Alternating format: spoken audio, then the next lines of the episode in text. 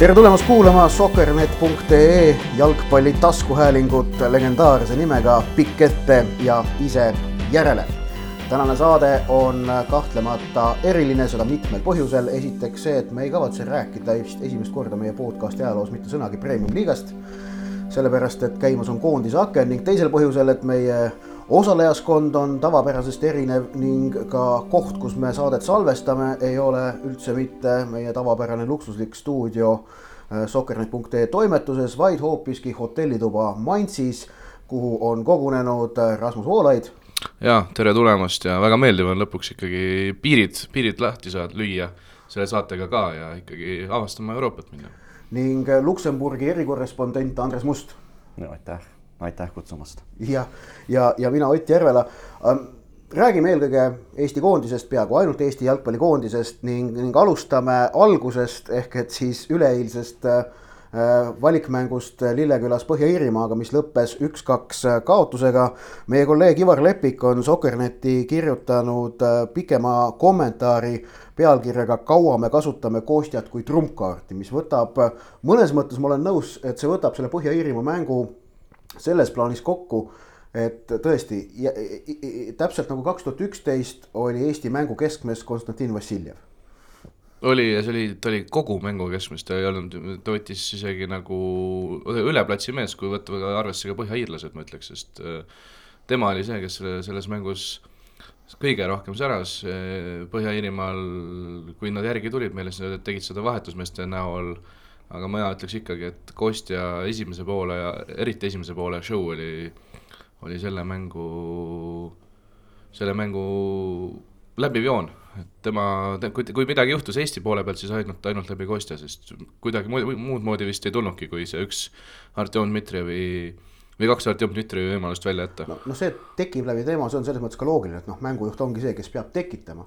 aga, aga, aga küll aga on siis noh, mida, mida Ivar on tegelikult kirjutanud ja mis on noh, tema selle äh, jutu selline sügavam mõte on see, et, et miks ei ole Eesti koondisel tekkinud äh, mõnda uut liidrit äh, selle, selle ligi kümne aastaga? jah, ma mõtlesin pärast mängu, et kui kurb on see päev, kui Eesti koondis jääb ilma Kostja Vassiljevist, kui, kui, kui, kui ta mängu lõpetab, aga, karjääri lõpetab, aga samas, kui mees on kolmekümne nelja aastane juba, siis vaikselt peaks, äh, võiks juba tulla selle kümne aastaga, mis ta olnud on, võiks olla juba mantliperi olemas, aga sellist reaalset mängujuhti ei ole tekkinud jah, absoluutselt.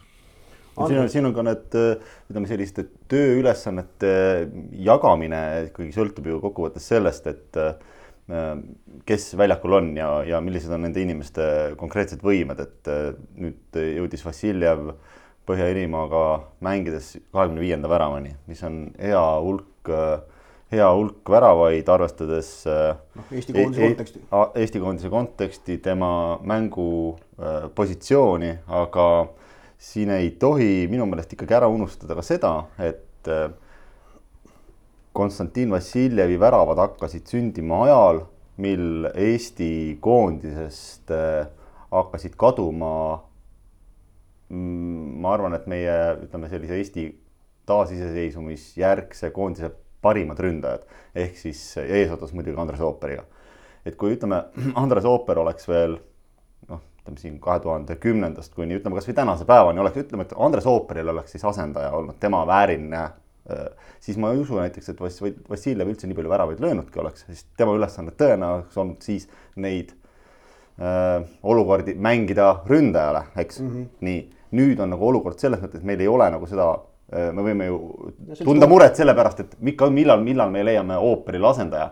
kui ei leia ooperil asendajat, siis see kuskilt mujalt mängu öö, äh, olukorrast need, need kompenseeritakse. ja, ja Vassiljevi, Vassiljevi äh, trump ongi see ja et see ongi aidanud tal ka paljuski olla selline liider, et me ikkagi koondises ju ja, ja kui me vaatame nagu tervikut, kuidas me näeme Äh, jalgpallis liidreid, keda me valime parimateks, nad on alati nagu ründajad. et Eesti koondisel see nüüd viimased peaaegu kümme aastat noh, peaaegu puudub.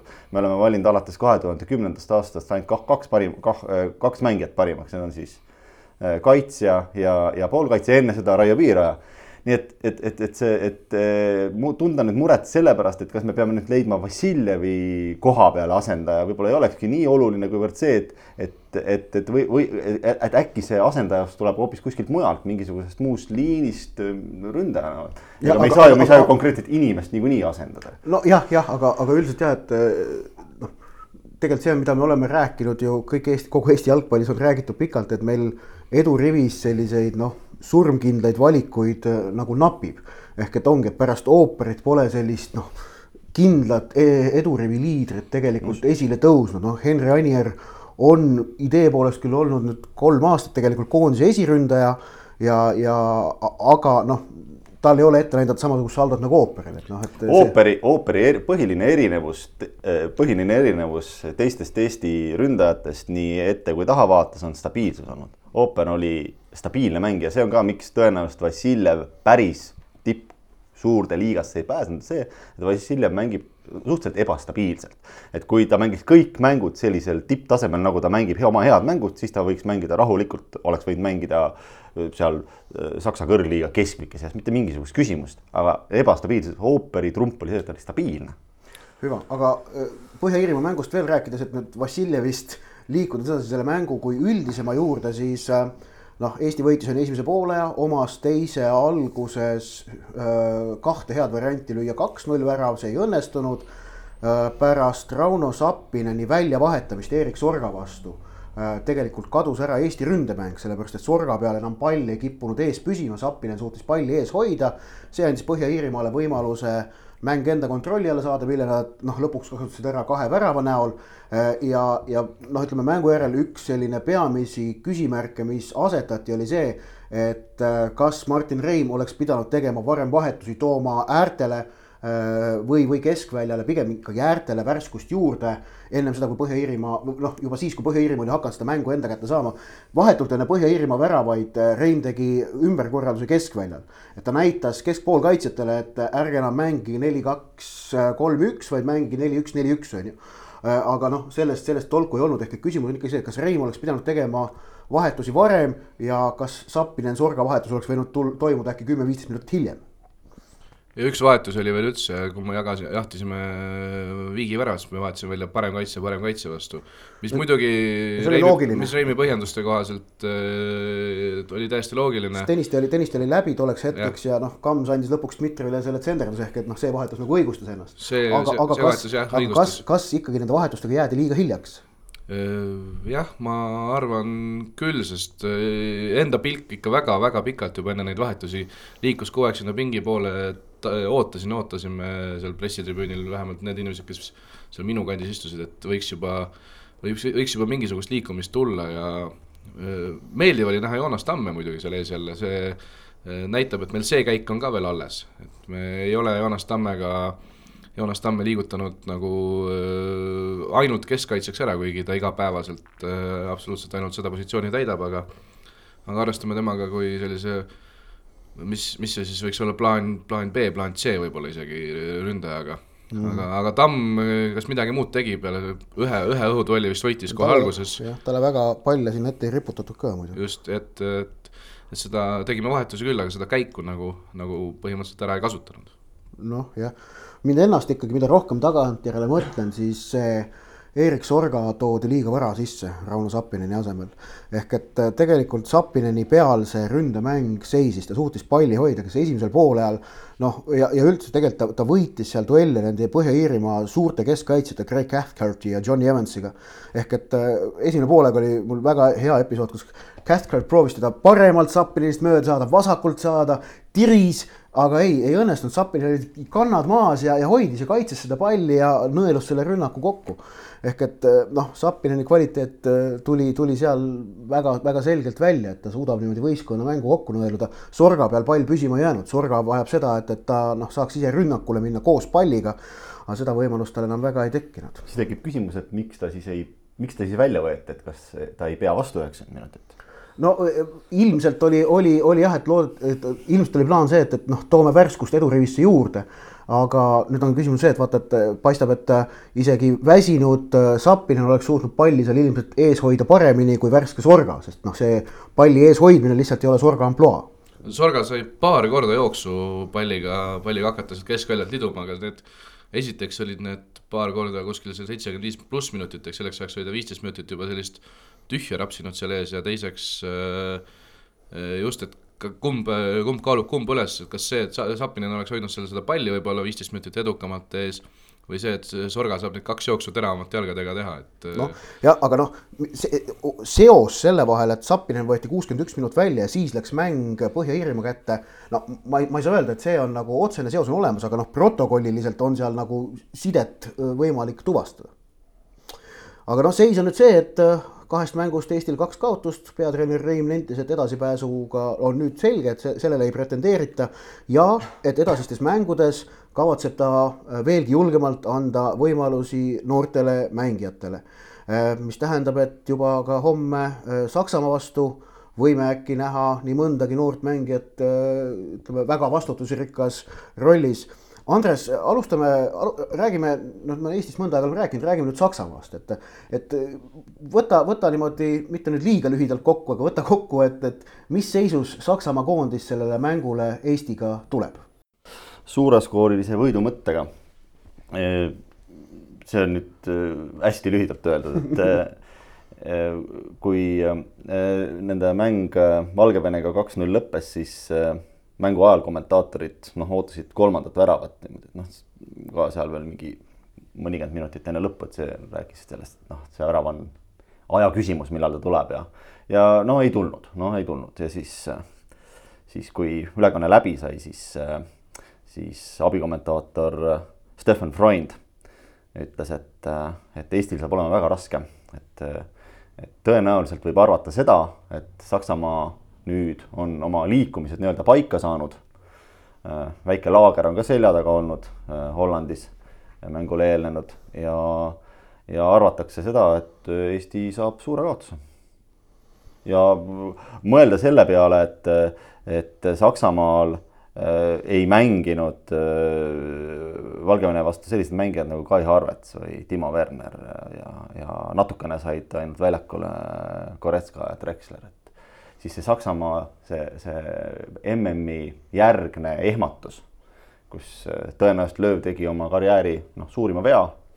ta koostas täiesti vale võistkonna, mis võis olla tehniliselt väga hea. Äh, oligi tehniliselt väga, oskustelt väga hea, paberil väga hea võistkond, aga paberil ja sa ei saa kunagi kirja panna äh, sellist vaimset valmisolekut.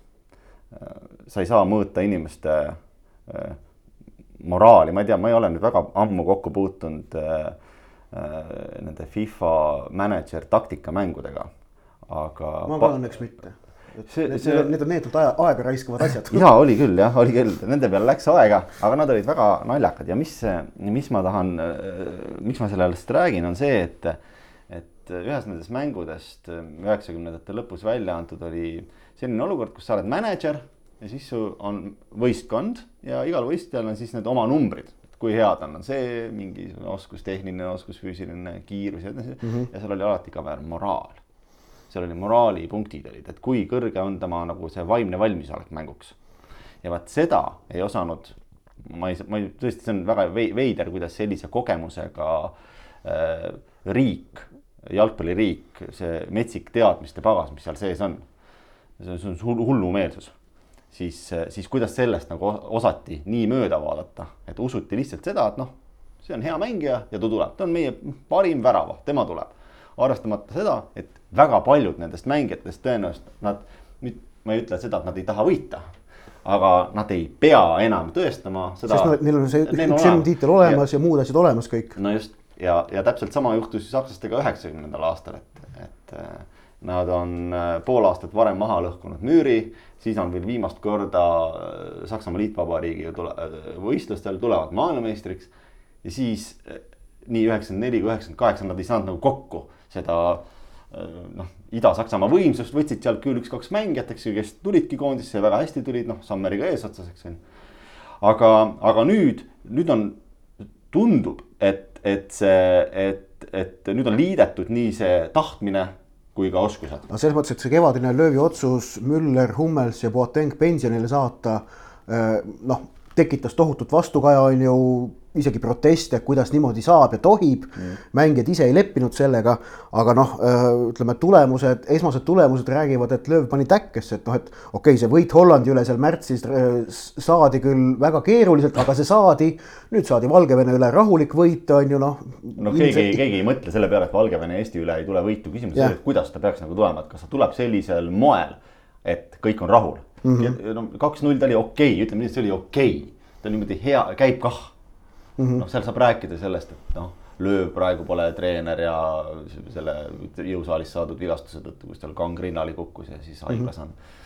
ja ta tõenäoliselt ta peaks Mainzis kohal olema mängul, et aga, aga Valgevenesse ta loomulikult ei läinud. okei okay,, aga Saksamaa, ühesõnaga Saksamaa on, on, on, on näha ikkagi, et ta on suutnud selle noh, mõõna, mis neid tabas nii MM-il ja sellele järgnenud rahvuste liigas ka nüüd uuesti, mõnes mõttes ikkagi nüüd ületada juba. ja, ja see noh, ütleme niimoodi, et selle mõõna nad tekitasid täiesti ise mm. -hmm. see oli, see oli konkreetse vale valik, valed valikud ja sellest räägiti kohe, sellest räägiti kohe, see küll taandati, taandati äh, mm, äh, taandati Leroy Sané isikule, teda kaasa ei võetud, aga tegelikult oli seal neid kohti, neid, neid, neid, neid punkte, mil alates, alates, alates Neuerist, kui, kui inimene on vigastatud pool aastat ja talle annab treener garantii, et ta pääseb koondisse nii või teisiti, kui ta ise seda soovib, siis see tegelikult tõmb-, kisub jälle ära teiste mängijate motivatsiooni, et noh, et kuidas me niimoodi saame tegutseda, aga täna seda probleemi ei ole. Neil on väga väga-väga heade oskustega väga-väga motiveeritud mängija.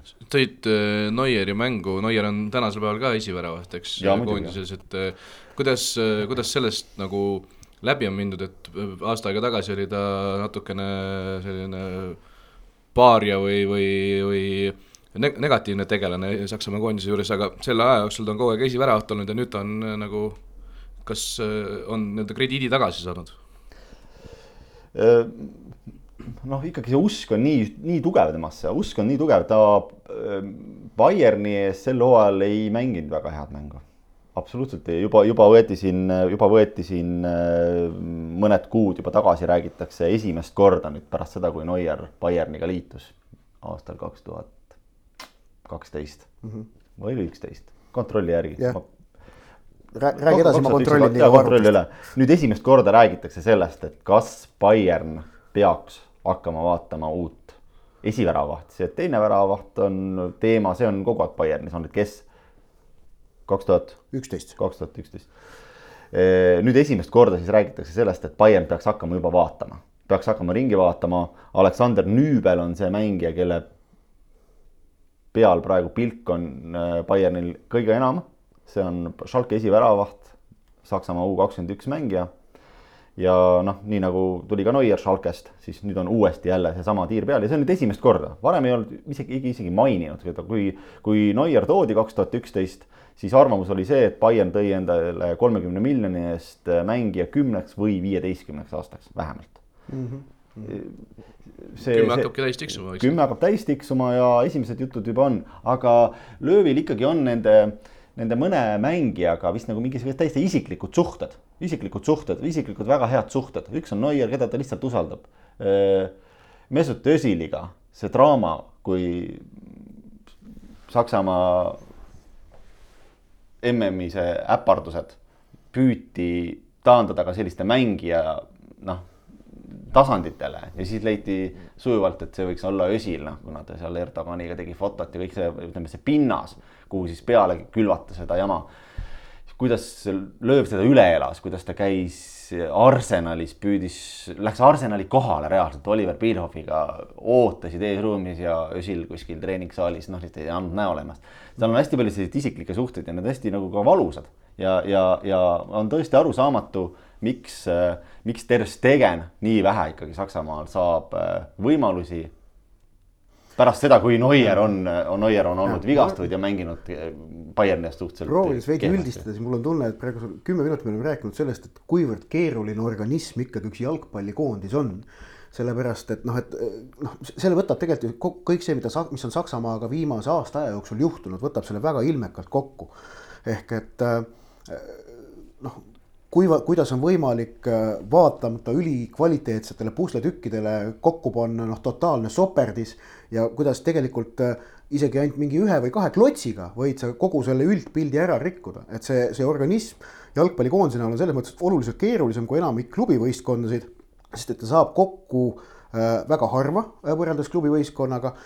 teiseks äh, on, on noh, ütleme seal sellist noh kuidas öelda, ta, ta on kõvasti äkilisem, on ju. seal ei ole võimalust vigade paranduseks, ehk et noh, see, see, seda vea, selle vea, mida Saksamaa eelmine aasta MM-il tegi.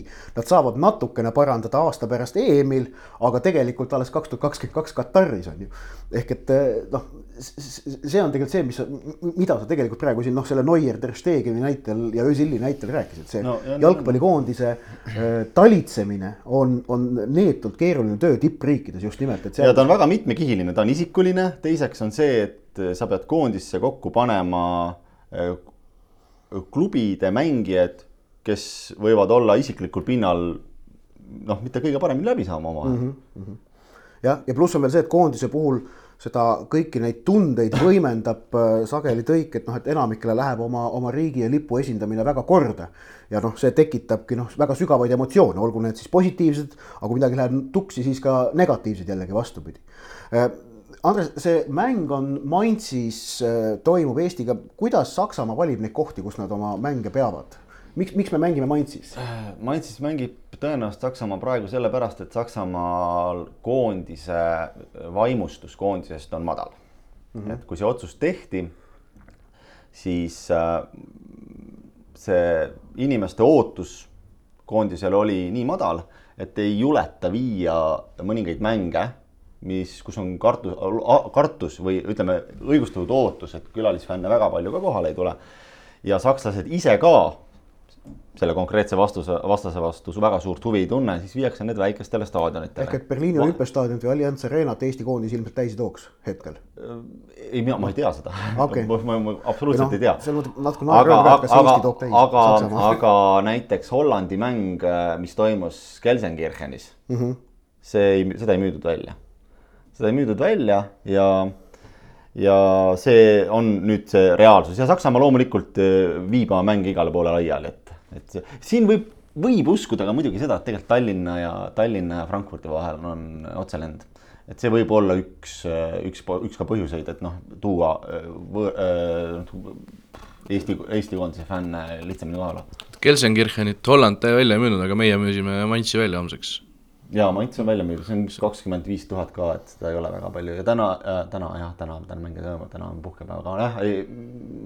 see ei ole väga suur, väga suur äh, hulk inimesi, jah ähm,. hüva, Saksamaast oleme rääkinud, võtame nüüd äh, noh, ja me teame, et nad on ükskõik mis hädad neid ka ei vaevaks, et, et nad on endiselt neetult tugevad. Mattias Keit eile lennujaamas ütles, et noh, mõõnas Saksamaa võib ju olla mõõnas, aga, aga meie jaoks on see ikka neetult keeruline mäng, oli, oli tema, tema mõte ehk et äh, kuidas nüüd Eesti koondis peaks homsele mängule vastu minema, mis on see, minu arust on ka siin see, et, et Eestil on ka vaja nüüd homme selle hoiakuga äh, täppi panna, et äh, omada võimalust tulla väljakult ära niimoodi, et noh, tunne ei ole halb.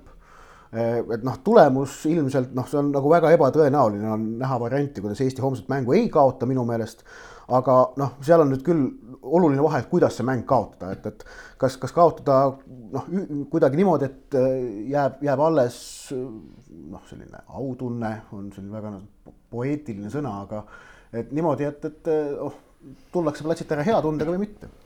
minu arust on siin siin on oluline, et, et Martin Reim ei valiks meeskonda, ilmselgelt ta ei saa minna näiteks sama meeskonnaga ründama, kellega läks Põhja-Iirimaa vastu, et ta läheb selgelt kaitsvama orientatsiooniga ja ja paneb sinna, nagu ta juba ütles, ka tulevikku vaatavalt äh, noori mehi sisse, andis vist väga, väga selgelt andis pressikonverentsil mõista, aga, aga on oluline ka see, et ei läheks juba konkreetselt äh, ainult B-meeskonnaga, ei läheks juba eos valge, valge rätik ees sinna äh, staadionile tunnelist välja, vaid tuleks selline äh, ikkagi leida see õige segu üles, millega esiteks on noored ja näljased mehed, aga siiski ka mõned kogenumad, mõned sellised äh, liid, liidrikujud peavad ikkagi väljaku peal olema, et ei saa, ei saa. no ilmselt minnakse on ju viiese kaitseliiniga seekord, ütleb, ütleb loogika jah, et noh, kaitses on noh, kolmest kaitsjat on noh, Vihman, Tamm ja Mets. suure no, tõenäosusega. äärekaitses vasakul ma arvan endiselt, et pigem, võib vahetada ka, võib panna Kallaste ka vasakule ja, ja paremal Tõniste asemel saab äkki Kams võimaluse, võib vabalt juhtuda. Ja siis on, siis on keskvälja küsimus, et Vassiljev ilmselt ei alusta, ütleb, ütleb loogika. seda jah, oli isegi, juba Reim ütles seda pressikonverentsil välja, aga kui Kosta enda käest küsisin seda, siis ta ütles, ütles, mis ta ütles, aga nägu andis ikkagi selgelt mõista, et üheksakümmend üheksa koma üheksa protsenti ta ei taastu ära niimoodi, et ta saaks ikkagi alustada. jah, aga noh, see tähendab seda, et keskel on noh, ilmselt on oodata debüüti Vladislav Kreidale, et see ütleme noh, ma arvan, see, mida Reim ütles ka, et ta annab ikkagi edaspidi võimalusi, see tähendab seda, et Kreida saab homme võimaluse. noh, Käit ilmselt ikka mängib ja siis tuleb vaadata, kes seal ääres ja kas ees on Sorga või, või Zappinen on ju jah, üks poolkaitse jäi veel panemata ka vist, Käit, Kreida ja no, Dmitri, ah, meil on jah, viiene liin on muidugi mitte enam ei ole jah, jah, jah, jah, ääred. noh, variante on mitmeid. variante on väga mitmeid, Kallast võib ka ääre peal olla. jah, ja seal on veel Ojamaa, kes ei saanud üldse platsile. Ojamaa, ma arvan, et alustab, sest kui ta mm, -hmm. Kui ta Põhja-Iirimaa vastu null sai just, just, just. aga, aga jah, nüüd on küsimus jah, selles, kuidas see, kuidas see võistkond häälestada selliseks mänguks, et, et noh, on meil mingeid häid soovitusi, mis see, mis, mis see häälestatus on. seal on ka see asi, et kui võistkond peab olema valmis tegelikult selleks, et noh, kahekümnendaks minutiks on null kaks juba ja siis tuleb ikka edasi mängida.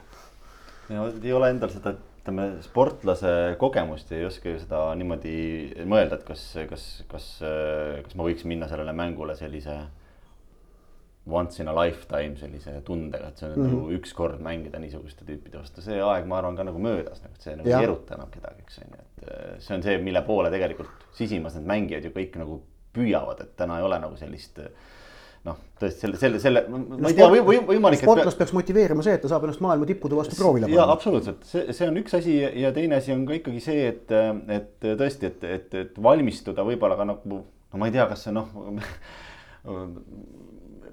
rumalusi võib ju siin podcast'is rääkida, eks. val, val, val, val, valmistuda, valmistuda. see võib öelda, et isegi see on meie spetsialiteet. ja, ja, et ma näen, et te ei kasuta professionaalide abi siin, et, et kutsute siia suvalisi inimesi, aga, aga äh, et, et, et, et päris ära ei laguneks, on ju, mhm. et ega me keegi ju tegelikult, me ei oota neilt võitu noh, isegi viiki loota on ka, no seda ei saa vähemalt välja öelda, eks ju ei jäta nagu eriti kompetentse inimese muljet, aga et, et tõesti, et, et, et, juhtuks midagi väga piinlikku mm. -hmm. et, et kuidas mängida näiteks no, kuidas mängida, kuidas mängida näiteks, kui on tõesti on null kaks kahekümnendaks minutiks, et. et, et kui selleks olla valmis juba, võib-olla minnagi väljakule selle mõttega, et ollakse juba kolmega taga, et. et no ma, ma ei, mina, mina ei kujuta ette, et et kuidas, kuidas, kuidas spetsialistid, psühholoogid sellesse, selle. see on selles mõttes keeruline olukord jah, et kui kunagi oli noh, et kuna, kuna Eesti koondis on kogenud äh, selles kaks tuhat üksteist sügisel seda edu, jõudnud play-off'i, siis see muutus automaatselt äh, noh, võimatuks edaspidi nautida ilusaid kaotusi. kui sa, kui võistkond on juba korra olnud noh, ikkagi enda jaoks väga edukas, siis ma väidan, et pärast seda enam ilusad kaotused noh, ei, ei lähe arvesse neid, neid ei, neid on väga keeruline hinnata äh, või, või äh, vähemalt on neid väga keeruline nagu ette kuulutada, kui me üheksakümnendatel, nullindatel, kui noh, kui mängiti kodud, kui Inglismaa tuli Tallinnasse mängima kaks tuhat seitse, no siis oli see, et noh, keegi ei nõudnud võistkonnalt mingit viiki või võitu, et seal oli see, et, et noh mängige, kaotate, kaotate küll, aga noh, et noh, et korralik oleks, on ju. praegu enam seda nagu tegelikult väga noh ke, keerulisem on praegu samasuguse hoiakuga minna. arvad, et Eesti koondis ei ole selle põlvkondade vahetusega sinna samasse seisu tagasi jõudnud, eh, mis oli sellele eelnenud periood, ehk arvad, et Võistkond... homme, homme null-üks näiteks? Eh, äh,, tagant, kui homme me kaotame null-üks, siis väljakult ära tulles keegi ei ütle ühtegi halba sõna, öeldakse häid sõnu. ma arvan et see on ilus kaotus jälle, jällegi jah, aga äh, ilus kaotus äh,, noh, tagantjärele on võimalik neid veel aktsepteerida, aga nagu ette ilusalt kaotama minna, see on see, mida enam ei ole võimalik teha jah, see äh, pole üldse oluline, kes selle Eesti koondise parasjagu täidab, et see. just kui..., see kest on ikkagi seesama, kes jõudis kaks tuhat üksteist play-off'i oli Euroopas kahekümne seas on ju. et, et see on, see on nagu endiselt seesama um, kas, äh, mida võivad Eesti jalgpallisõbrad, keda on siia nelisada vist oodata äh, Mainzi staadionile, äh, näha või kogeda Saksamaa jalgpallikultuuri mõttes, kas, kas on noh, on oodata mingisugust midagi erilist? või, või mida, mida peaksid Eesti jalgpallisõbrad noh, tähele panema siin Saksamaa jalgpallikultuuri osas, kes pole varem sellega kokku puutunud? ohoo, see on päris huvitav küsimus, tõesti, me ei oskagi sellele niimoodi ju vastata kohe, ausalt ei oska. no peale selle, et noh, et õlut juuakse, on ju, ja päris palju jaa, aga noh, see vist ei olegi nii väga ainult sakslastele omane, eks, et seda oskavad Eestlased- eestlased ka eestlased ka teha. ja ei, noh, Saksamaal suhtutakse sellesse noh, niimoodi äh, kuidas öelda, ma olen vaadanud, noh, kui ma olen klubi jalgpalli käinud Saksamaal vaatamas ja võrreldes seda Inglismaaga, siis Saksamaal on nagu kõik palju chill im. et Inglismaal on nagu see, kuidas öelda, kord on rangem äh, aga see, ma ei mõtle korda, mida kehtestab näiteks politsei või turvamees, vaid kord, millele nagu see publikumass iseennast allutab. Saksamaal tundub, et kogu see jalgpalli publikum, minu mulje on see, et nad on nagu noh, tunnevad ennast oluliselt vabamalt kui näiteks Inglise vutifännid mm -hmm. või, või üldse Briti, Briti fännid eelkõige. et, et see on üks mulje, mis mul on jäänud Saksamaa klubi vutti vaadates. ja, ja a- teine asi, mis ma tahtsin küsida, see, kas nagu on oodata, et kas nagu Saksamaa koondisel on mingi selline nõnda-öelda organiseeritud fännigrupp ka või, või, või me näeme homme staadionil tegelikult sellist lihtsalt kahtekümmet viit tuhandet sakslast, kes tulevad jalgpalli vaatama ja seal ei ole mingit sellist koordineeritud tegevust no küllap Jalgpalliliit ikka mingisuguse, mingisuguse korra seal loob, et, et kas seal noh, võimalik, et keritakse mingi lipp kuskilt suur lahti mm -hmm. või, või no mi, mingil kujul see, mingil kujul see on, aga üldiselt ei ole jah, et ikkagi. et sellist jalgpalli haiglalaadset nähtust ju suurtel koondistel reeglina pole. Äh, ei tule nagu ette küll jah, ma, ma arvan, et neid on palju mm. -hmm. ma arvan, et neid on palju, neid on, on väiksemad. pisigi- nad on väiksemad jah, et, et Saksamaal on ikka see, see koha identiteet on väga oluline. see on väga-väga oluline. Need liidumaad, väiksed linnad, suured linnad, linna, linna sees olevad linnade sees olevad eri grupid, koha identiteet on Saksamaal väga-väga oluline. Neil on loomulikult ka see lipu all esinemine oluline. aga, aga pigem on ta siis jah, nagu tõenäoliselt me näeme, näeme ka noh, tegelikult, tegelikult ka Inglismaa puhul, et me näeme staadionile laiali tõmmatud ju lippe siis oma klubi nimedega, eks on ju et seal oli tõenäoliselt näeme. eile lennujaamas näiteks äh, jalgpalliliidu juhatuse liige Danil Sevitski ütles ka, et, et, et äh, noh, et äh, jalgpalliliidu juhatust äh, Eesti, Eesti oma tuleb siia Mainzi ka tavapärasest rohkem.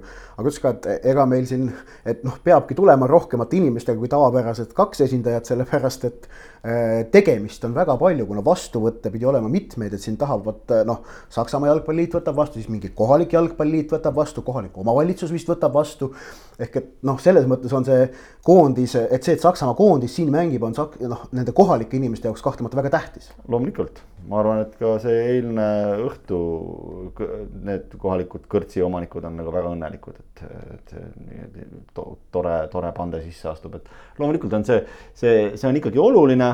Neid mänge tahetakse läbi viia ja Mainz on ikkagi päris pisike koht, kus Saksa koondis mängib, päris pisike koht. jah, aga väike jah, jah. fännidest äh, rääkides, siis Ott, mäletad, eelmine aasta käisime MM-il, olime vist koos sellel Saksa-Mehhiko mängul. olime. seal staadionist vähemalt kaheksakümmend protsenti olid Mehhiko toetajad ja saks, sakslased olid äh, üldse nagu see pilt Käpu oli ka täis. roheline, rohelist oligi kogu ülejäänud tribüün ja sakslased olid oma fännisektoris ja häält praktiliselt ei teinud, et seal muidugi on variant A on see, et sakslased arvestasidki, et ei ole alagrupile turniirile vaja üldse MM-ile tulla fännama, et siis tulevad hiljem, kui kui edasi saadakse ja, ja tõsised mängud hakkavad, aga aga ka siis oli näha, et Saksamaa fännid esiteks ei olnud eriti organiseeritud, ei, ei teinud mingisugust hullu, hullu möllu ja ja teiseks neid oli ju tegelikult vähe. aga kuule, aga see on hea, hea akord, millega tegelikult see podcast praegu mul on tunne kokku tõmmata, sellepärast Mehhiko ju tolle mängu võitis üks-null. ja see oli väga kõva mäng. jah, jah, ja see oli, see oli see, kuidas, kuidas viimastel minutitel, kui Mehhiko oli surve all, siis kuidas Mehhiko fännid oma, oma meeskonda toetasid, mitte mingi vihase skandeerimisega, vaid, vaid seda ai, ai, ai, ai, seda, seda armastuslaulu lauldes üle, üle terve Lužniki ja toimis. ehk et noh, mine noh, ma ei kujuta ette, mis peaks juhtuma, et homme samamoodi läheks, et Saksamaa null-üks kaotaks. Kostja ikkagi. jah, kuidagi, aga, aga hüva, sellised olid jalgpallijutud praegu siit Mainzist. nädalavahetusel mängitakse ka Eesti Premium-liigas äh, järgmine ehk viieteistkümnes voor, selle vastu üks keskseid kohtumisi on Nõmme Kalju Narva Trans. Sokernet näitab äh, minu meelest me näitame laupäeva õhtul Kuressaare Tammeka mängu. ehk et äh, kodune jalgpall naaseb siis kindlasti ka uuel nädalal juba pikk ette ja ise järele äh, podcasti juttudesse, aga koondise teemal tõmbame siit praegu otsad kokku ning äh, aitäh, Andres, et leidsid aega Luksemburgist siia meie juurde saabuda. Rasmus, aitäh, et äh, istusid minu voodi peal selle podcasti ajal. väga suur au oli seda teha ning mina siit tugitoolist ütlen nägemist